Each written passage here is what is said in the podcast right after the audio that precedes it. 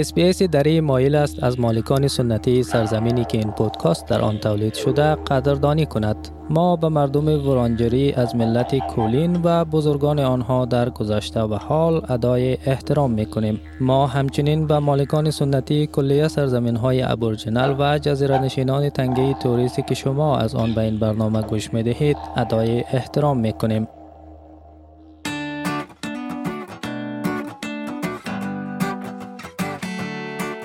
گودار وومید این یکی از روش های رایج احوال پرسی یا سلام کردن بین استرالیایی هاست.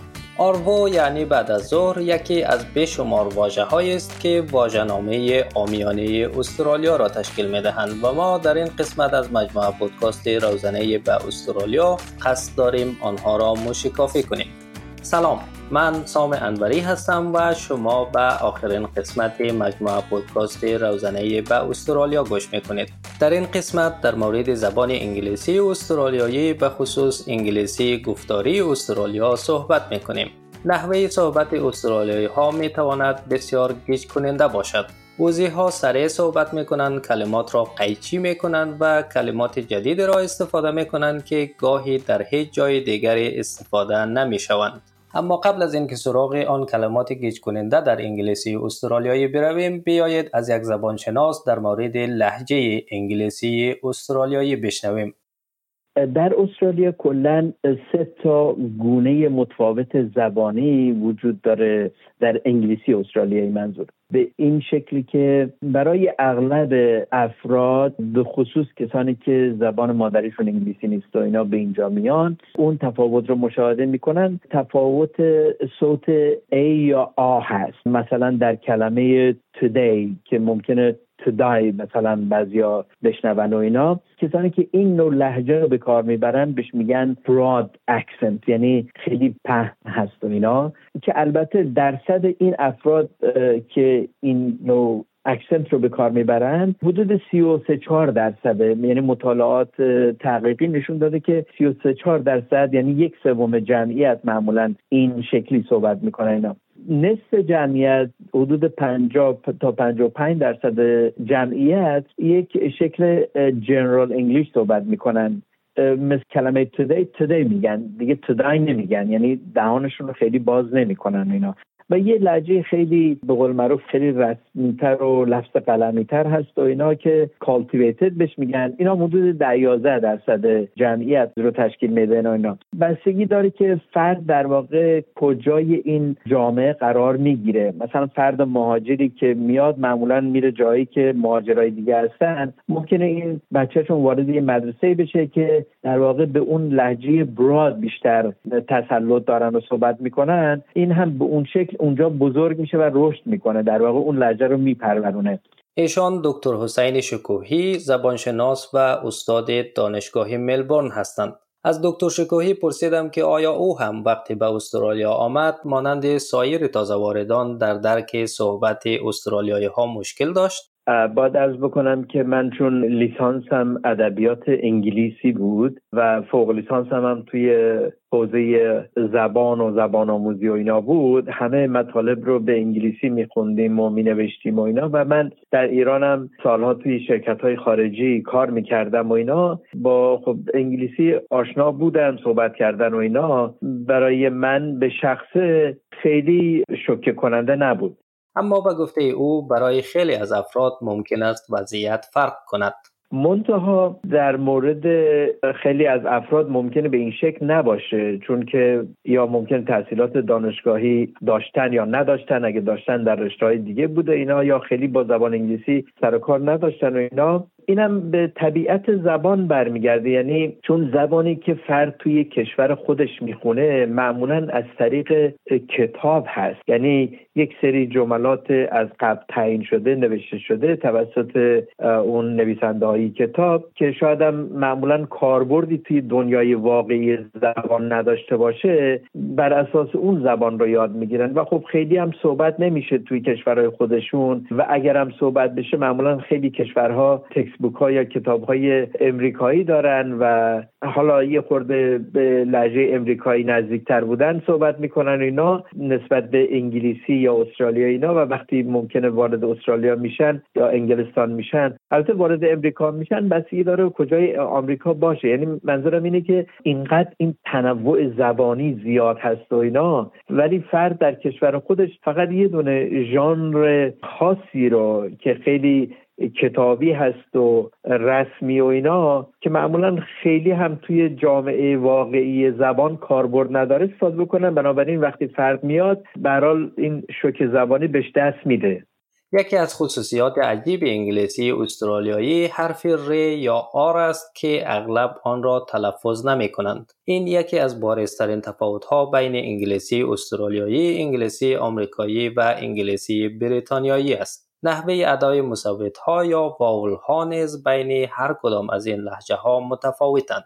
در این مورد خاص استرالیا خیلی شبیه انگلیسی بریتانیایی است تا انگلیسی امریکایی. حالا آیا همه جا ما آر رو یا ر رو حذف می‌کنیم؟ جواب نه هست. مثلا کلمه ریچ R I C H.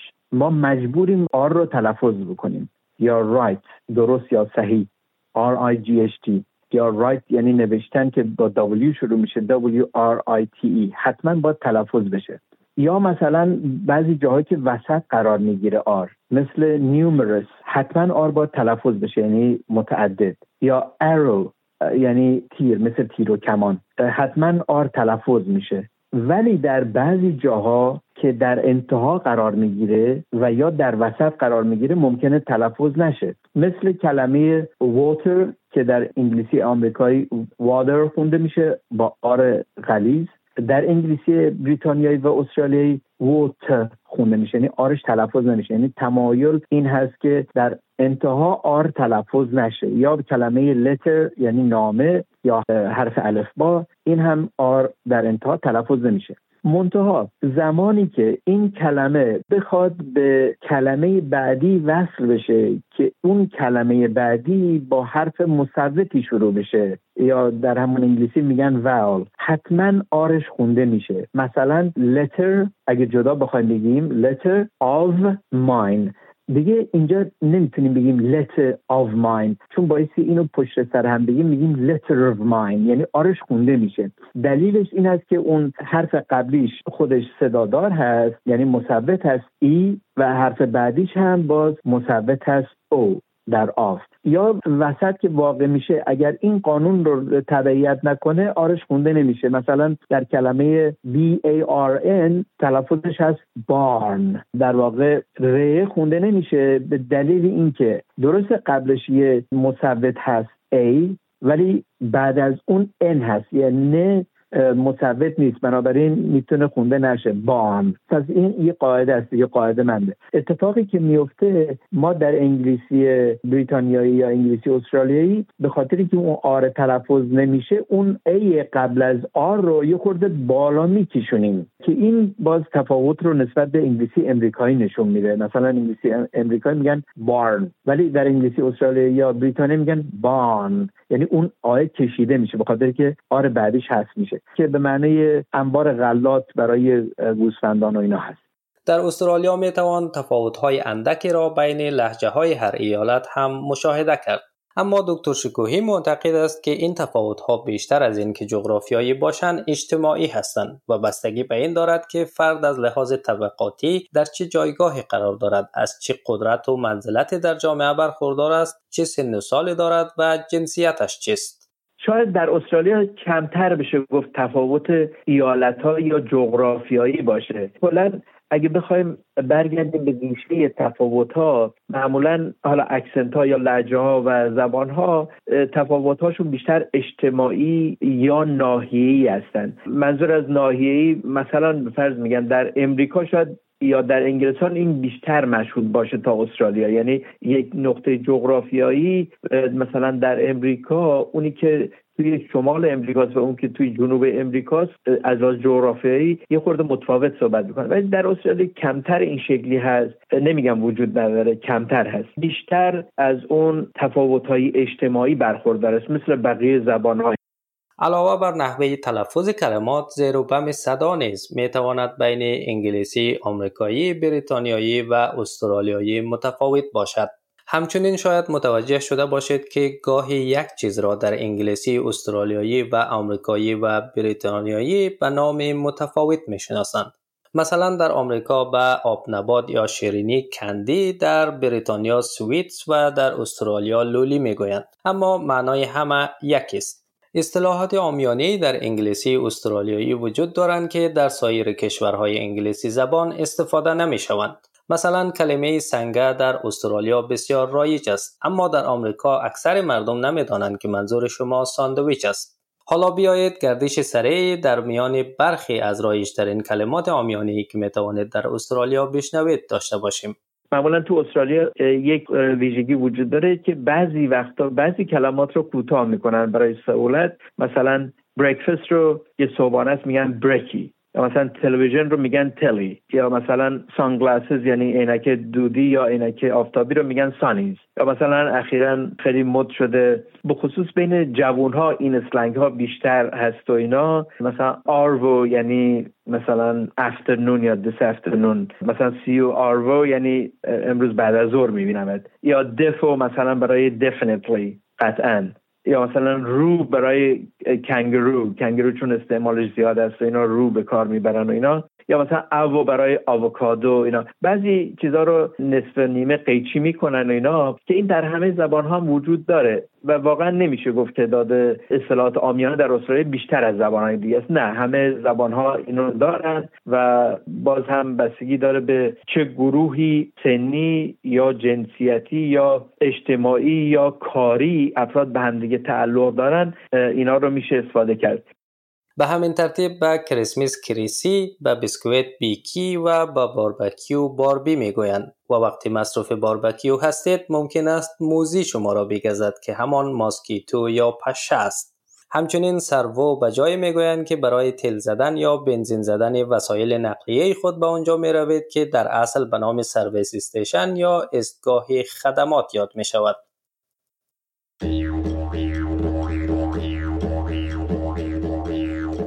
بومیان استرالیا هزاران واژه را در گفتار روزمره خود به معناهای بسیار متفاوتی به کار می‌برند که در اینجا به نمونه های اشاره می‌کنیم. یکی از آن کلمات دیدلی به معنای کشنده یا مهلک است.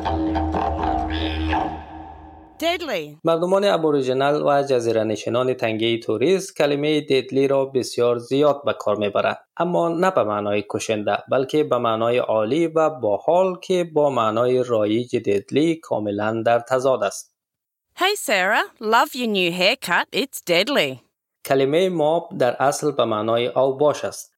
ماب اما بومیان این کلمه را به معنای مردمم یا مردم من به کار می‌برند. وقتی می‌گویند مای ماب معنای آن می‌تواند یک گروه زبانی یا قومی ابوریجینال اعضای خانواده نزدیک یا قوم و خیش یا حتی می‌تواند جامعه باشد که در آن زندگی می کنند.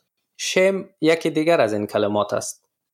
شیم در بین بومیان شم را زمانی به کار می‌برند که بگویند خجالت می‌کشند یا با موقعیتی که در آن قرار گرفتن احساس راحتی نمی کنند که با کاربرد شم در بین غیر بومیان خیلی متفاوت است. همچنین بومیان کلمه شم را در عبارت شمجاب یا کار شرم نیز به کار می‌برند. به طور مثال اگر کسی از طرف مقابل خود بپرسد که آیا می‌خواهی بهترین حرکات رقصت را به من نشان بدهی طرف اگر از انجام این کار اکراه داشته باشد ممکن است پاسخ دهد که به هیچ وجه کار شرم است So you want me to get up on the catwalk and walk like a supermodel when I'm not even a model?